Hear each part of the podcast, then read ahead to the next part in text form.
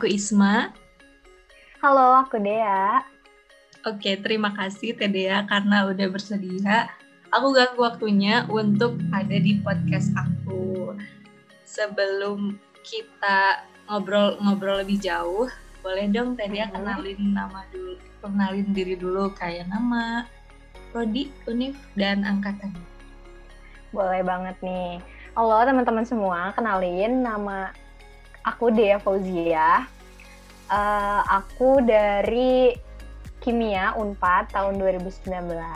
Kayak gitu nih. Oke, okay. betul. Jadi Teh Dea itu kakak tingkat aku. Cie, kakak tingkat. Iya, betul. Isma ada tingkat aku. Jadi aku tuh pertama kali tahu Teh Dea tuh baru-baru ini gitu loh Teh. Kalau dulu karena oh, iya. karena kita kan online juga kan. Kayak hmm. Terbatas gitu. Kalau ketemu orang ya apalagi kakak tingkat yang berkepentingan aja gitu yang ada urusan tertentu aja. Nah pas awal-awal dulu kan ada kopassus itu ya teh? Tahu eh, gitu. tapi kamu nyadar nggak sih? Kenapa? tapi kamu nyadar nggak sih? Aku kan panitia mabim kamu. Enggak. Nyadar nggak? Ih, aku aku panitia mabim kamu tahu. Yang apa? Aku panitia mabim kamu. Oh enggak tapi aku, aku sangat di balik layar Iya, jadi aku tuh ser, apa ya ingat itu yang itu loh yang jadi moderator, MC gitu-gitu. Oh iya iya iya. Sorry Ten. Iya aku aku nggak apa-apa emang akunya juga di balik layar pada saat itu. Iya gitu kan kalau online kayak kayak gitu yang terlihat di layar aja gitu kenalnya. Iya bener sih. Nah waktu Kopassus tuh aku pernah kenal katanya Anita dia namanya tuh. Terus uh, aku lihat di SG-nya gitu kan. Kan saling follow-followan gitu kan sama kakak tingkat. Katanya nih ada jadi putra putri MIPA gitu. Aku kenal Aduh, jadi malu. gara-gara itu. Terus ya udah kita ketemu lagi. Ketika dia jadi jadi SC di kepanitiaan sekarang. Gitu cerita Aduh jadi malu nih aku nih. Oke, okay, tadi aku sempat bilang kan putra putri MIPA. Nah, TD itu sebenarnya hmm, apa ya namanya ikut putra putri MIPA kan. Itu tuh yeah. waktu itu uh, teh dia tuh sebagai apa ya nominasi kah atau apa? Sebenarnya buat putra putri MIPA itu sendiri itu kan suatu ajang gitu ya ajang pageant yang diajai, diadain sama Fakultas MIPA Unpad. Jadi sebenarnya uh, untuk PPM ini uh, putra putri MIPA kita bisa singkat PPM ya untuk PPM ini sebenarnya diambil uh, apa delegasinya itu dari delegasi himpunan gitu.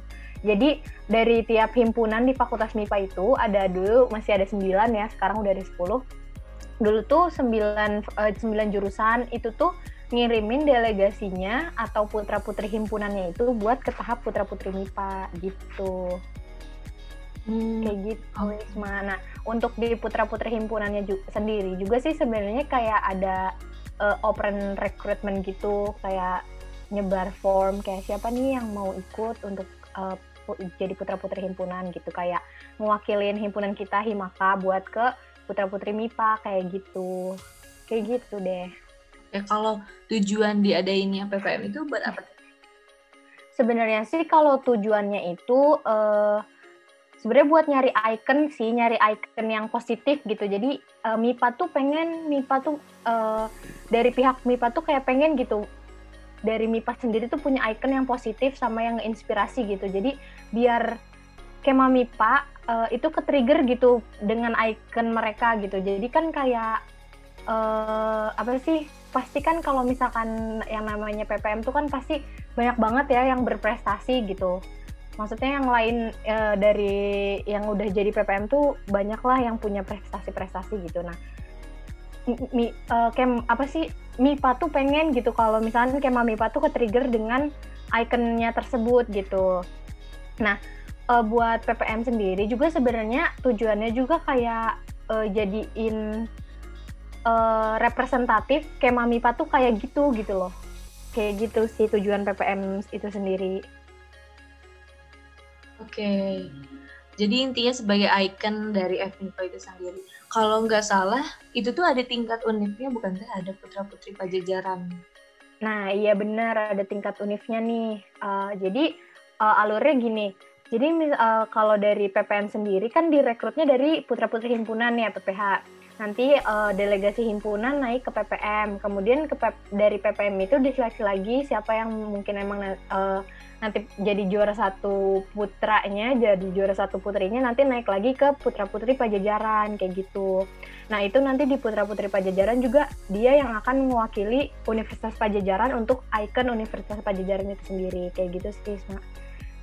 Dan oh iya nih, fun fact-nya tentang PPM ini, jadi dari fakultas-fakultas di Unpad itu yang punya ajang pageant, fakultas yang pageant kayak gini tuh salah satunya tuh MIPA gitu dan itu tuh cuma dua atau berapa gitu yang uh, di fakultas di fakultas itu sendiri yang bikin acara pageant kayak gini kayak gitu. Wow, bangga sekali kita menjadi. Iya kan keren banget emang kayak meminta keren keren keren. keren. Oke, okay. tadi kan di awal berarti alurnya ada oprek dulu dari himpunan. Boleh gak sih teh diceritain gimana alurnya, gimana teteh ikut oprek atau kenapa sih saya ikutan oprek itu gitu? Waduh, sebenarnya sih ya uh, ini aku jadi rada ngungkit uh, cerita pribadi nggak apa-apa kali ya. Jadi sebenarnya aku tuh nggak pernah kepikiran sama sekali untuk ikut ajang pageant kayak gini, kayak modeling atau something. Ini kan masuknya modeling nggak sih kayak PPM tuh, kayak kayak Miss Indonesia kayak gitu-gitu kan masuknya. Nah aku tuh nggak pernah kepikiran sama sekali buat ikut hal-hal kayak gini. Kenapa? Karena dari kecil aku tomboy, tomboy banget gitu. Bahkan saat dulu ada proker BEM itu namanya Mabakap. Bahkan di Mabakap aja tuh aku main futsal gitu loh kayak orang nggak bener-bener nggak nyangka lah aku bisa ikut PPM gitu karena yang orang lihat aku tuh tomboy banget gitu dari dari kecil lah dari SD kayak gitu gitu. Nah kenapa aku bisa ikut PPH atau PPM itu? Karena aku tuh ke trigger ke trigger uh, omongan orang tua aku gitu. Jadi kan aku tuh uh, terkenal kayak tomboy banget gitu kan. Orang tua aku tuh kayak sering protes gitu kayak kamu jangan tomboy tomboy dong kayak gitu. Kayak uh, agak cewek dikit kayak gitu loh. Kayak uh, apa perlu kita sekolahin kepribadian kayak gitu biar kamu kayak cewek kayak gitu kan Nah terus kayak aku tuh kayak sebel gitu kan, iya apa sih kok sampai dibilang kayak gini gitu kan. Tapi tuh tapi tuh di situ aku ya udah aku diem aja dan aku jadi ke trigger gitu loh kayak ya udahlah kayak pas ada pengumuman open recruitment PPH itu aku kayak iseng-iseng ikutan kayak ya udah daftar aja gitu uh, hitung-hitung pengalaman hitung-hitung kenal orang orang-orang banyak gitu hitung-hitung juga kayak kayak banyak uh, apa sih dapat dapat ilmu baru kayak gitu kan kayak ya udahlah ini ajang pembuktian aku gitu. Kalau aku tuh nggak nggak nggak kayak yang orang tua aku pikirin kayak gitu. Dan di situ aku akhirnya iseng-iseng daftar uh, dan ternyata aku keterima jadi putra-putri himpunan itu kayak gitu. Hmm. bener-bener iseng banget itu tuh kayak random ah ikutan deh ikutan gitu. Kayak gitu aku gak nyangka teh dia katanya tomboy. Soalnya cantik banget. eh tapi serius tahu? Ih serius? Ini kamu harus ketemu aku aja aku tomboy banget. PPM berarti mengubah dia dong nggak? Nggak nggak semua sih. Tapi ya seenggaknya kayak bisa aku diajarin kayak diajarin buat uh, kayak bukan jaga image sih sebenarnya kayak ya seenggaknya nggak banyak tingkah lah gitu maksudnya kayak yeah. biar kita juga punya personal branding diri sendiri kayak gitu. Oke, okay. kalau gitu. waktu oprek di himpunan itu seleksinya kayak gimana teh? Sebenarnya kalau opreknya itu kan karena waktu itu tuh aku udah online ya, masuknya udah online tuh bulan April. Ah enggak, bulan apa ya? Mei apa ya kalau nggak salah atau Juli gitu lupa pokoknya bulan-bulan tengah itu kan udah online jadi opreknya tuh paling kayak uh, dari pihak BE Himakanya minat uh, apa departemen minat bakat Himaka itu uh, nyebarin form untuk uh, PPH itu. Nah jadi aku kayak cuma ngisi doang ngisi form terus aku waktu itu aku bikin video speech. Aku bikin video speech terus aku kayak bikin unjuk bakat gitu terus ya udah gitu doang sama ngumpulin foto kayak gitu-gitu sih kalau di PPH tuh. Hmm, oke. Okay. Seleksinya. kayak gitu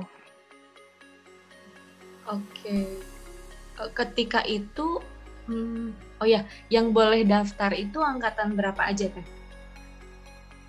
uh, karena sebenarnya tujuan dari PPH itu kan buat ngedelegasiin ke PPM ya uh, bikin icon buat uh, naik ke PPM gitu. Jadi karena persyaratan di PPM itu dua angkatan termuda jadi PPH juga yang bisa daftar tuh dua angkatan termuda kayak gitu. Oke. Okay. berarti kalau tahun sekarang nih berarti 2019 sama 2020 ya? Hmm. kalau Teh berarti daftarnya tuh mandiri? Maksudnya uh, sebagai putrinya gitu kan? Atau calling calling sama putranya yuk bareng ikut gitu. Atau gimana? Jujur aku tuh waktu itu nggak kepikiran mau ik uh, ikut sama siapa gitu kan tapi kayak ya udahlah ikut aja gitu belum aku nggak nggak mikir buat uh, ngajak temen aku buat ikutan gitu dan aku pun sampai udah mau masuk delegasi PPM udah ngumpulin beres aku tuh belum tahu pasangan aku tuh siapa saat itu dan alhamdulillahnya ternyata pasangan aku Kang Rap seneng banget sumpah Kang Rifki. Iya pasti seru banget. Bener-bener bisa. Iya, bener-bener bisa diajak bekerja sama banget. Hmm, iya, betul betul. Betul deh. Oke, okay. uh, eh, setelah lolos PPH, akhirnya masuk ke PPM. Itu awalnya gimana teh? Ke PPM-nya uh, wawancara dulu? Sebenarnya buat masuk karena kan udah nih lolos PPH Putra Putri Himpunan. Ya udah di situ di pada saat itu aja cap aku tuh udah sebagai putri himpunan gitu yang ngewakilin ngedelegasiin himpunan kayak gitu. Nah di situ tuh ya kalau mau ke putra putri MIPA tinggal apa namanya tinggal kayak ngirim berkas-berkas gitu doang nggak ada wawancara apa-apa gitu. Karena ya seleksinya tuh cuman di uh, himpunan itu gitu.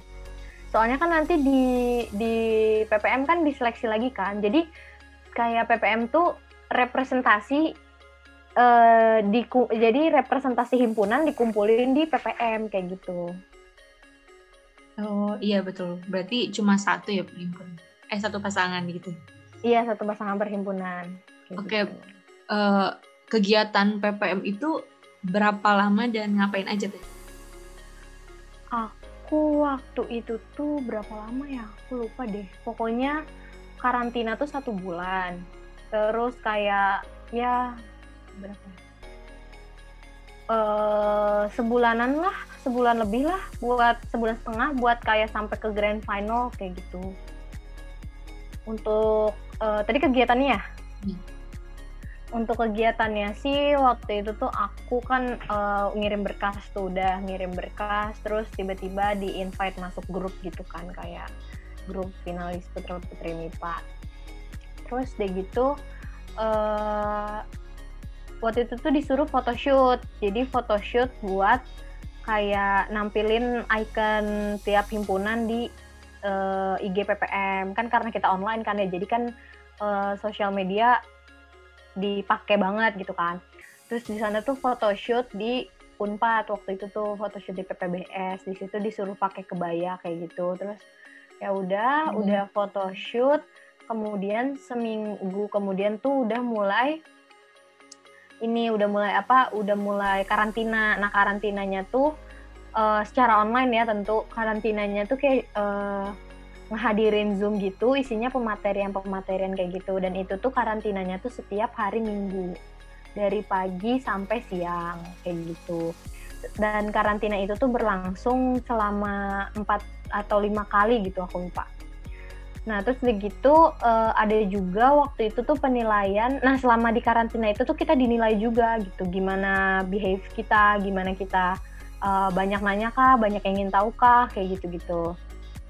Terus uh, di tengah-tengah minggu itu ada di satu hari hari Rabu kalau nggak salah itu tuh kita tuh disuruh nge uh, di, uh, kita pasangan itu tuh disuruh presentasi. Presentasinya tuh tentang keunikan MIPA, kema MIPA gitu, keunikan kema MIPA yang yang kita bawa gitulah uh, buat dikenalin ke ke ke dunia luar gitu kayak di luar MIPA itu sendiri kayak gitu. Apa sih kayak gitu kan.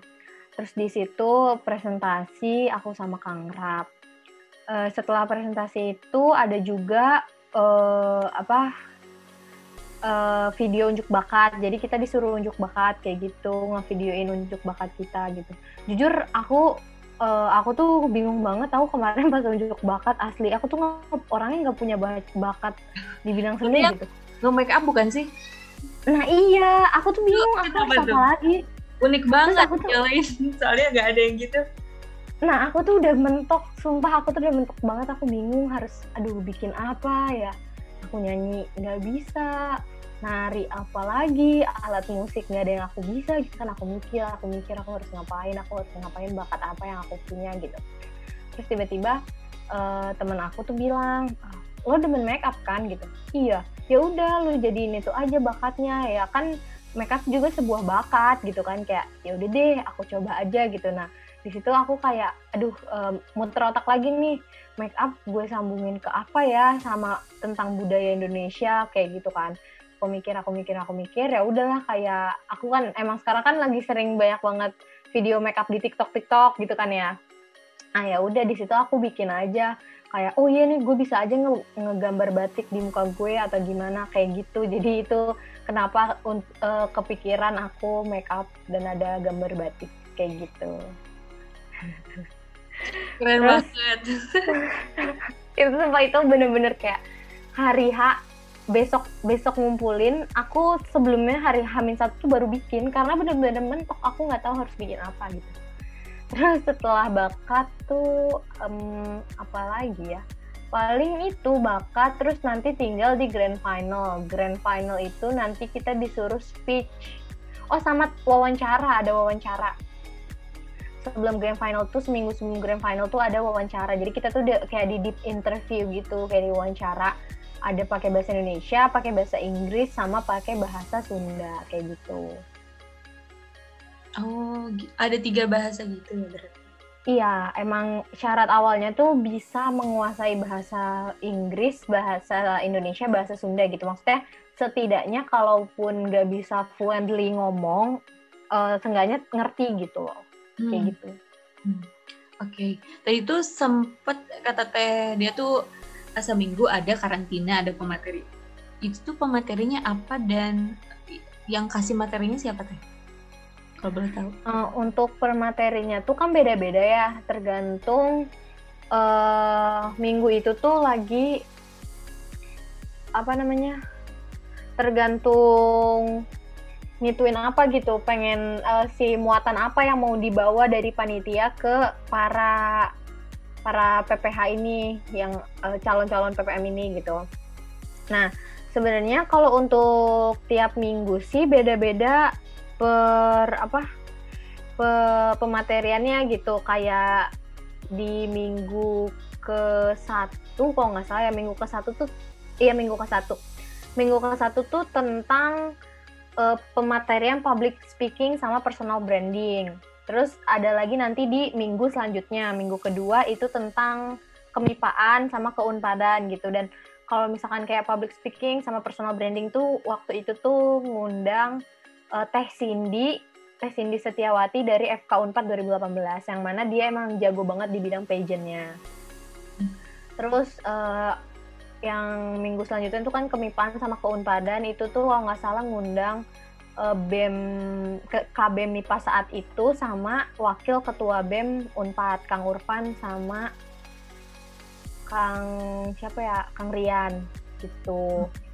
Terus uh, di minggu ketiga itu pematerian tentang kebudayaan sama self care class. Jadi ini aku paling suka nih minggu ini karena itu tuh uh, belajar tentang kebudayaan Sunda dari yang emang uh, sastra Sunda kalau nggak salah di orangnya. Iya sastra Sunda gitu kebudayaan uh, Jawa Barat lah gitu dari orang sastra Sunda sama uh, ada pematerian self self care gitu kayak make up class kayak gitu kayak belajar tentang skincare apa nih yang cocok kayak uh, sebenarnya cowok tuh uh, perlu nggak sih skincarean atau make up kayak gitu-gitu. Itu seru banget aku suka banget. Di situ tuh yang ngisi teh amal dari kimia 2017 keren keren keren nah setelah itu uh, di minggu selanjutnya tuh ada pematerian tentang speech tentang Q&A sama tentang FGD jadi tuh di situ kayak kita tuh dikasih penye, uh, apa sih masalah gitu. Nanti kayak didiskusin gimana kamu sebagai putri MIPA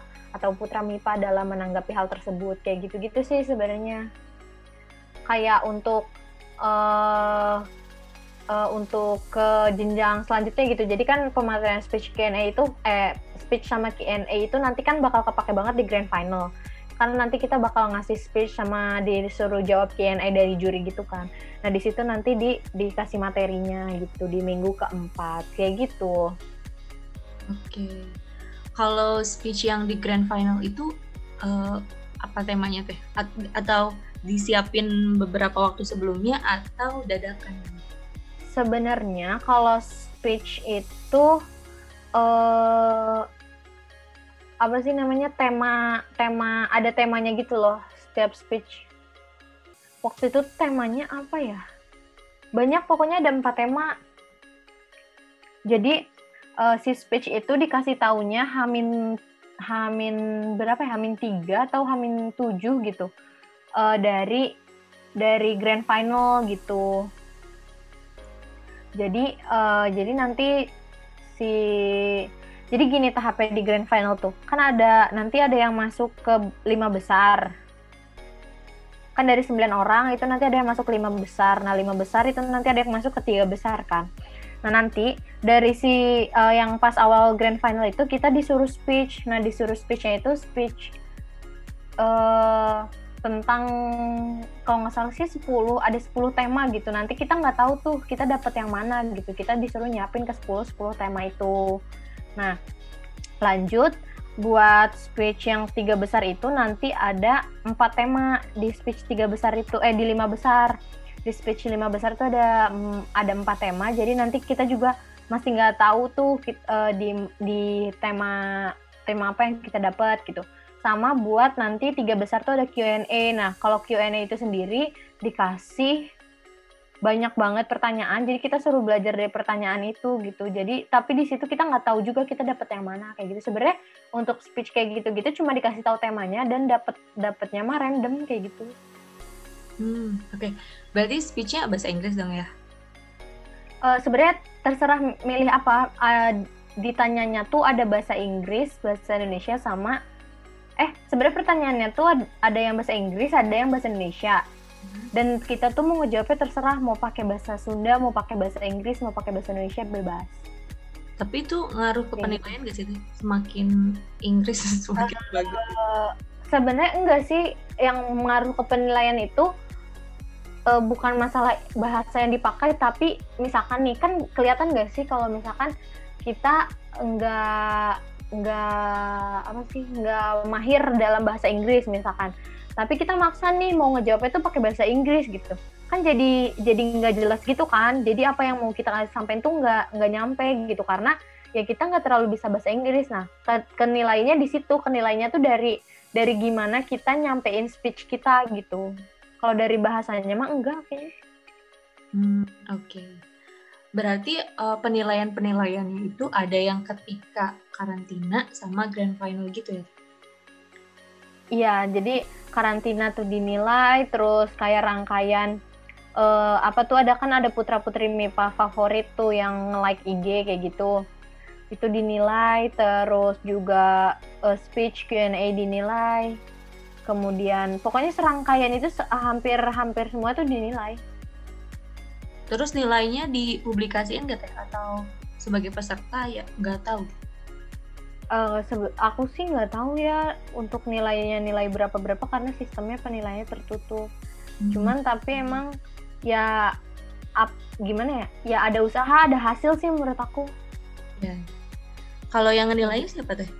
Dari panitia? Yang nilainya dari juri ada jadi uh, apa panitia nge-hire juri buat nilai.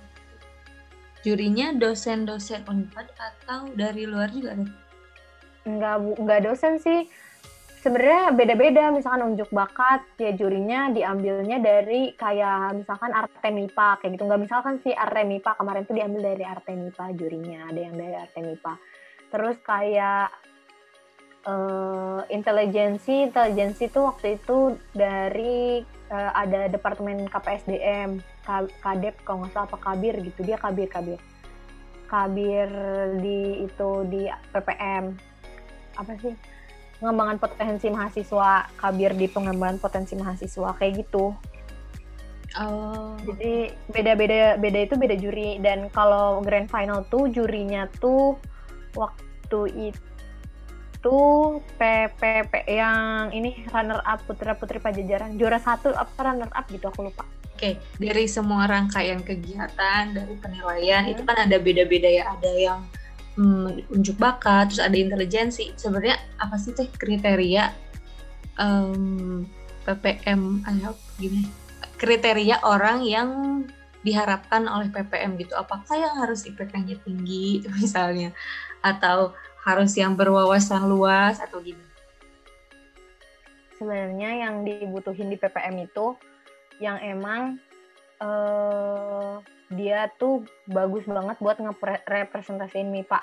Nggak perlu IPK, nggak perlu wawasannya luas gitu. Tapi ya gimana ya maksudnya nggak perlu banget IPK nggak perlu wawasan luas cuman kan orang ketahuan tuh uh, ketika mereka bicara nggak sih Iya, iya. Nah, ketika dia nyampein speech, ketika dia nyampein Q&A, ngejawab Q&A itu dia tuh pasti ketahuan, oh ini orang wawasannya luas, oh ini orang kayak ya udah biasa aja. Itu kan pasti ketahuan kan dengan how they talking with each other gitu kayak dengan temennya atau dengan uh, dengan uh, panitia kayak gitu kan itu ketahuan kan.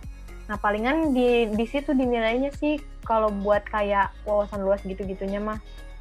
Cuman untuk penilaiannya ya itu kayak uh, dari presentasi kan tadi ada presentasi presentasi gimana kamu presentasi ngepresentasiin MIPA terus gimana kamu unjukin bakat kamu gimana kamu uh, ngebawain speech kamu, gimana kamu ngejawab Q&A kamu, terus gimana kamu di karantina, apakah kamu orangnya kritis dan solusional ataukah hanya diem aja kayak nggak nanya apa-apa, kayak gitu sih sebenarnya. Oke. Okay. Beberapa waktu yang lalu aku udah aku udah tanya ke teman-teman aku, apa sih yang mereka pikirkan tentang PPM? Sekarang aku hmm. udah ngumpulin pertanyaan-pertanyaan ini Nanti Teh Dea jawab betul atau enggak gitu. Apakah Oke. Okay. apakah benar putra-putri BIPA itu harus cantik? Tidak. enggak ya? Enggak dong. Kenapa tuh? Karena ya gimana ya cantik enggaknya tuh orang relatif enggak sih? Pasti ada aja yang bilang e, nih A si A cantik, tapi menurut si B biasa aja. Nanti ada juga yang bilang uh, menurut si B cantik, menurut si A biasa aja gitu. Karena cantik tuh relatif dan menurut aku physical itu bukan tolak ukur seseorang buat bisa berprestasi lah istilahnya. Oke. Okay. Kayak gitu. Cuman mungkin emang ada uh, dapet bagiannya, cuman nggak nggak selalu sebanyak itu gitu. Karena yang kita tanamkan icon di sini tuh bukan icon yang kecantikan, tapi icon yang emang uh, dia tuh ngerepresentasiin MIPA gitu di ya di akademiknya lah atau di bidang kayak uh, public speaknya lah kayak gitu. Oke, okay. selanjutnya apakah harus lancar public speaking? Harus ya kayaknya. Eh, enggak, enggak lancar juga sih. Eh gimana tuh? enggak, enggak juga. Enggak juga karena jujur aku orangnya nggak bisa public speaking tau jujur banget yeah. nih jujur banget aku orangnya nggak bisa public speaking aku gemeter gemeter banget kayak buat kalau buat nanya aja tuh kadang aku gemeter nah tapi ya itu uh, eh, PPM itu emang PPM itu emang buat ya buat kayak nyari bibit terbaik MIPA gitu cuman bukan berarti yang masuk PPM tuh harus yang emang yang keren-keren aja yang bagus-bagus aja gitu tapi kita tuh di sini uh, bukan cari orang yang emang udah keren, tapi kita nyari orang yang emang mau belajar bareng gitu. Di sana aku uh, ju jujur aku belajar public speaking tuh di PPM. Hmm. Okay. Beneran sumpah. Kayak ya baru bisa public speaking akhir-akhir ini kayak ngomong ngomong bisa udah mulai nggak gemetar itu di PPM gara-gara PPM. Oke, okay, keren berarti. Kayak gitu selanjutnya jadi nih. kesimpulannya iya? tidak jadi kesimpulannya tidak nggak harus bisa public speaking tapi kita bisa belajar bareng-bareng gitu oke okay. selanjutnya apakah putra putri MIPA harus punya attitude yang bagus good attitude sebenarnya iya sih menurut aku ya menurut aku ya menurut aku karena, karena jadi ikon ya, gitu kan. Nah itu tujuan awal dari PPM itu kan menjadi icon. Nah kalau misalkan uh, dan icon yang ngerepresentasiin MIPA gitu loh. Kalau misalkan ternyata bad attitude kan berarti orang mandangnya wah berarti MIPA nih uh, kayak gini orangnya karena ikonnya aja kayak gini kayak gitu loh. Jadi uh, walaupun nggak segut itu cuman ya maksudnya bukan nggak segut itu sih maksudnya nggak bad attitude banget juga sih kayak seenggaknya ngejaga lah ngejaga. Betul. biar uh, tetap sopan santun kayak gitu. Okay. kayak gitu sih. Selanjutnya apakah uh, harus bisa klop satu sama lain? Mungkin sama pasangannya eh tapi kan selama PPM nggak punya pasangan. Eh nggak punya pasangan. Gimana ya kita kan di jalurnya masing-masing bukan sih? Jadi kayak putra iya. Iya cuman kadang ada kan itu kayak presentasi itu kan ngebutuhin banget chemistry bareng-bareng tuh. Iya. Kayak kan, waktu presentasi kan aku dipasangin sama Kang Krab iya, kan waktu presentasi kan aku dipasangin sama Kang Krab tuh. Nah sebenarnya buat klub uh, ngebutuhin klub itu uh, half true half enggak karena uh, ya itu kadang kita jalan sendiri-sendiri tapi kadang juga kita bareng gitu. Dan barengnya tuh kalau aku kemarin tuh cuman masalah presentasi tapi itu harus uh, ini banget chemistry sih kemarin presentasi kemarin tuh membutuhin banget chemistry. Dan alhamdulillahnya aku sama Kang Rap itu gampang untuk ngebangun chemistry bareng-bareng gitu dan nggak perlu sesusah itu gitu. Dan dan aku walaupun emang nggak dapet predikat uh, putra sama putri intelijensi atau yang emang kan itu kan uh, apa presentasi itu untuk penilaian putra putri intelijensi gitu. Walaupun aku sama Kang Rap nggak dapet titel itu cuma kita berdua puas atas apa yang emang udah kita hasilin gitu. Karena itu keren banget presentasinya. Kayak aku aja nggak nyangka bisa bisa nge, bisa ngebawain presentasi berdua sama Kang Rap sekeren itu gitu sih Hmm, aku bisa merasakan feelnya sih. Kayak ya kemarin kan kita pernah setim juga ya teh untuk sesuatu. Kata teh Deanya pinter untuk bikin desain Amin. gitu. Terus sama Kang Rapnya juga apa ih pinter banget gitu. Jadi kayak saling melengkapi gitu. Aku melihatnya ya. Udah jadi malu. Aduh.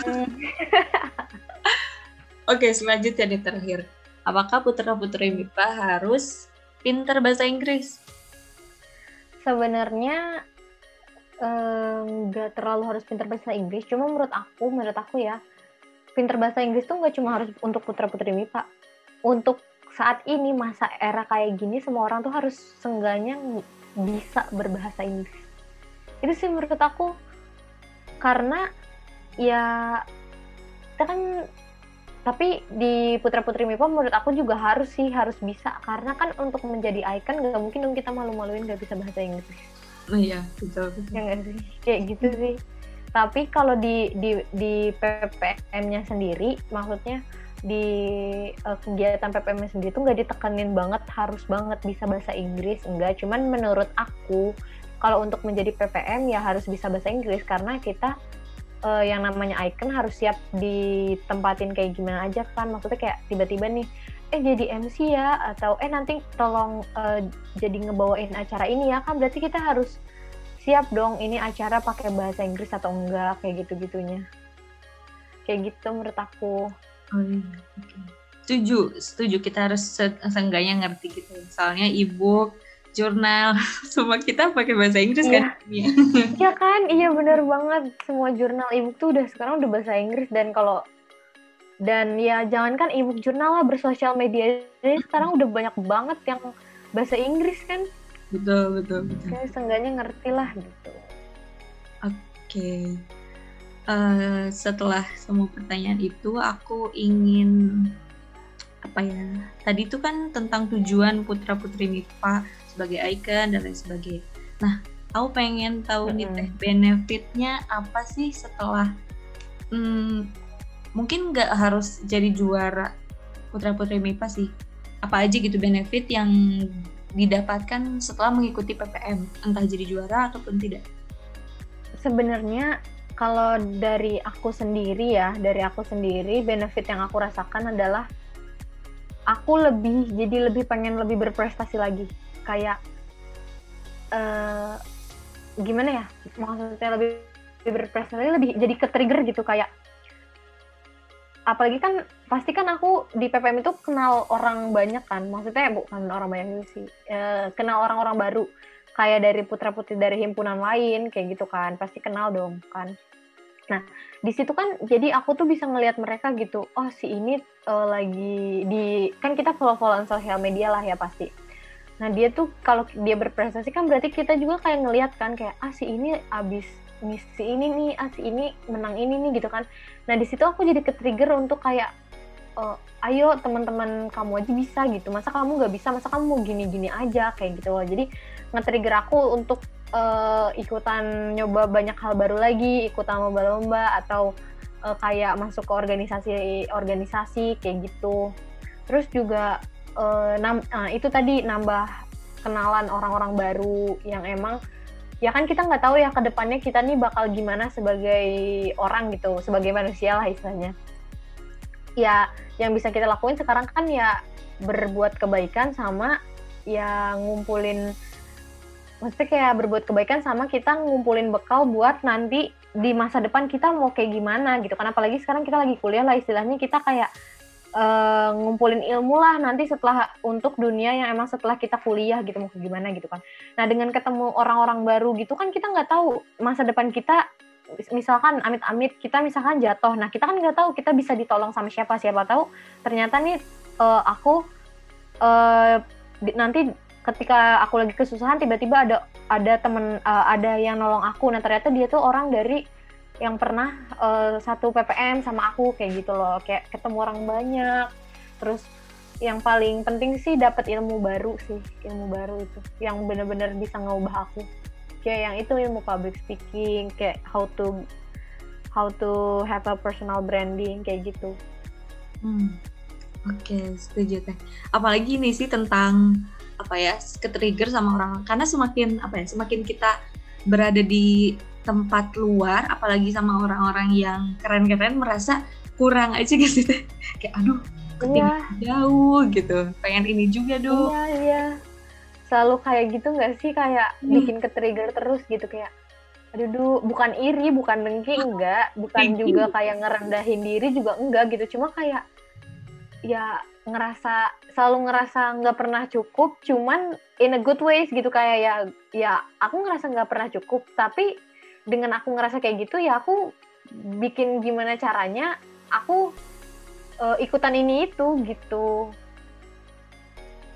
kayak hmm. gitu nggak sih? Iya, apalagi kalau udah lihat selain sosial media Instagram, kita lihat LinkedIn gak sih teh? Iya LinkedIn sumpah aku juga insecure tahu ngeliat LinkedIn orang ya Allah kok keren-keren banget gitu. Aku pengen tanya dong sekarang teteh kegiatannya apain aja? Sibukannya apa? Buat sibuk aku kesibukannya yang pasti kuliah. Masih membuat laprak masih. Kuliah kuliah intinya kuliah terus aku juga ngambil lagi ambil kepanitiaan jadi SC di KitKat atau eh, ya di KitKat. Terus alhamdulillah juga lagi megang uh, eh, BE Himaka aku jadi staff departemen minat bakat aku juga ikutan BEM fakultas, aku ngambil Departemen Seni Budaya Olahraga.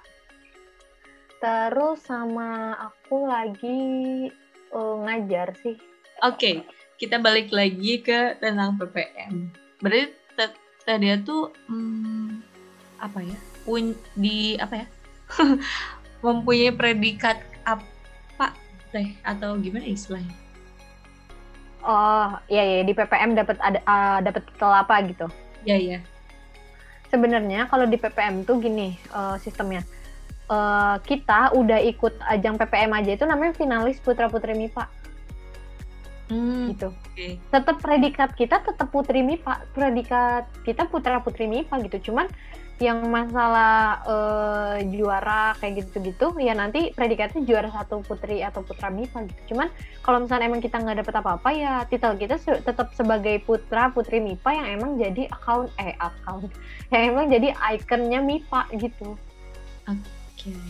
Kayak gitu. Sesuatu yang diubah PPM pada diri teteh. Entah teteh entah tetehnya lebih menjadi lebih bagaimana atau bagaimana jadi lingkungan ngetrit teteh jadi berbeda atau Sebenarnya kalau buat lingkungan ya biasa-biasa aja ya karena aku orangnya kayak nggak paling nggak suka misalkan aku punya titel apa dan aku ditreat sesuai titel itu gitu aku nggak suka banget. Kayak gitu. Dan palingan ya kayak uh, ya itu sih ke trigger ke arah yang lebih baik kayak lebih pengen ikutan banyak hal terus lebih ke kayak membenahi diri lebih lagi karena kan pasti dengan kita icon MIPA kan pasti kayak ngerasa mawas diri kayak oh gue nggak boleh yang aneh-aneh nih kan gue icon MIPA gitu. Lebih ke kayak gitu sih. Hmm. buat kepandangan orang kayak kita pengen di uh, aku di treat gimana gimana enggak karena aku paling nggak suka kayak misalnya aku punya titel sesuatu terus kayak di treatnya sesuai titel itu kayak ya udah lo sama gue tuh sama gitu. Kita sama-sama mahasiswa kok itu ya itu cuma bonus gitu. Dengan dengan ikutan putra-putri MIPA itu cuma bonus gitu. Sisanya kita sama. Sama-sama yang kuliah sama-sama yang emang berjuang buat lulus kayak gitu. Nggak ada yang beda. Gitu. ngelapak sama-sama iya sama-sama ngelapak kayak gitu. Oke okay. hmm, oh ya tadi tuh tete sempat bilang ada gak sih yang kesempatan apa yang didapat setelah jadi PPM apakah karena ada PPM tuh ada kesempatan untuk jadi MC kah dan lain sebagainya Nah iya sih sebenarnya kalau kesempatan mah pasti setiap orang pasti punya kan kesempatan misalnya untuk jadi MC pasti setiap orang punya kesempatan untuk jadi MC gitu. Cuma peluang untuk meraih kesempatan itu yang beda-beda. Nah alhamdulillahnya setelah jadi PPM dan kayak banyak udah banyak pe, apa pematerian yang didapat gitu ya peluang uh, peluang untuk dapat kesempatan itu tuh jadi lebih gede gitu. Palingan itu sih. Kalau untuk kesempatan mah pasti setiap orang punya kesempatan punya kesempatan itu gitu. Cuma peluang untuk mendapatkan kesempatan itu yang berbeda-beda gitu. Yeah. kayak gitu. Oke okay, kita gak kerasa ya gak kerasa. Udah sejam. Jam ya? Ya udah sejam kita ngobrol. Aku pengen uh, teteh kasih closing statement nih tentang apa hal-hal yang kita bicarain. Entah apa hmm, pesan teteh pada orang-orang yang mungkin tertarik ikut PPM juga atau apa pun deh dari Iya, untuk pesan-pesannya kayak ya udah nggak usah takut untuk mencoba hal baru sih menurut aku. Kayak uh, ilanginlah stigma-stigma insecure yang memandang diri itu lebih rendah. Misalkan aduh ikut PPM aku harus cantik aku harus ini aku harus itu. Ya kalau misalkan uh, ini nggak apa-apa ya pakai logo nggak apa-apa kan ya? Nggak apa-apa dong Nah, misalkan nih, lo tuh selalu mikir, aduh gue ini, aduh gue itu, ya kapan lo bisanya? Karena lo lo akan terkurung di mana pikiran lo tuh lo ngerasa kurang gitu. Ya, dengan kayak gitu, yang emang tadinya lo berpotensi, lo jadi nggak bisa berpotensi gitu. Maksudnya bukan nggak bisa berpotensi. Yang tadinya lo berpotensi, jadi lo nggak menampakkan potensi lo gitu. Padahal lo tuh sebenarnya kalau misalnya lo ikut, lo nggak mengkecilkan diri lo, itu lo jago banget di hal itu kayak gitu. Jadi pesan aku untuk semua yang ingin daftar PPM please banget jangan merasa kecil kayak aduh gue nggak bisa aduh gue ini aduh gue itu. Enggak enggak jangan kayak gitu karena semua di PPM tuh belajar bareng-bareng. Masing-masing belajar. Dan rata-rata yang di PPM tuh emang orang yang belum pernah ikut pageant sebelumnya gitu. Jadi tenang aja lo nggak sendiri gitu lo masih punya teman-teman yang emang ya mungkin bisa senasib sama lo di PPM kayak gitu. Dan kalau misalnya emang buat buat anak-anak himakan nih kalau misalnya emang mau ikut PPM fix go banget nanti aku dukung aku bimbing juga gimana tips and triknya yuhu. Kayak gitu. Boleh nih siapa pun yang dengar yang mau iya langsung ya, kontak dia aja. Langsung. Iya dong. Langsung tanya-tanya Eh tapi kan tadi udah ditanyain sama aku ya udah diwakilin sebenarnya. iya. Oke, okay. makasih banyak Tedea atas um, semua informasi tentang PPM, sama Tedea dan lain sebagainya. Semoga kegiatan yang Tedea ikut saat ini lancar-lancar dan kuliahnya juga lancar. Makasih banyak tadi ya atas ngobrolannya dan makasih iya. juga untuk ya. siapa pun yang udah dengar ini. Semoga mengambil manfaatnya dari obrolan kita dan sampai jumpa di podcast selanjutnya. Jadi dengerin aja dulu. Siapa tahu suka.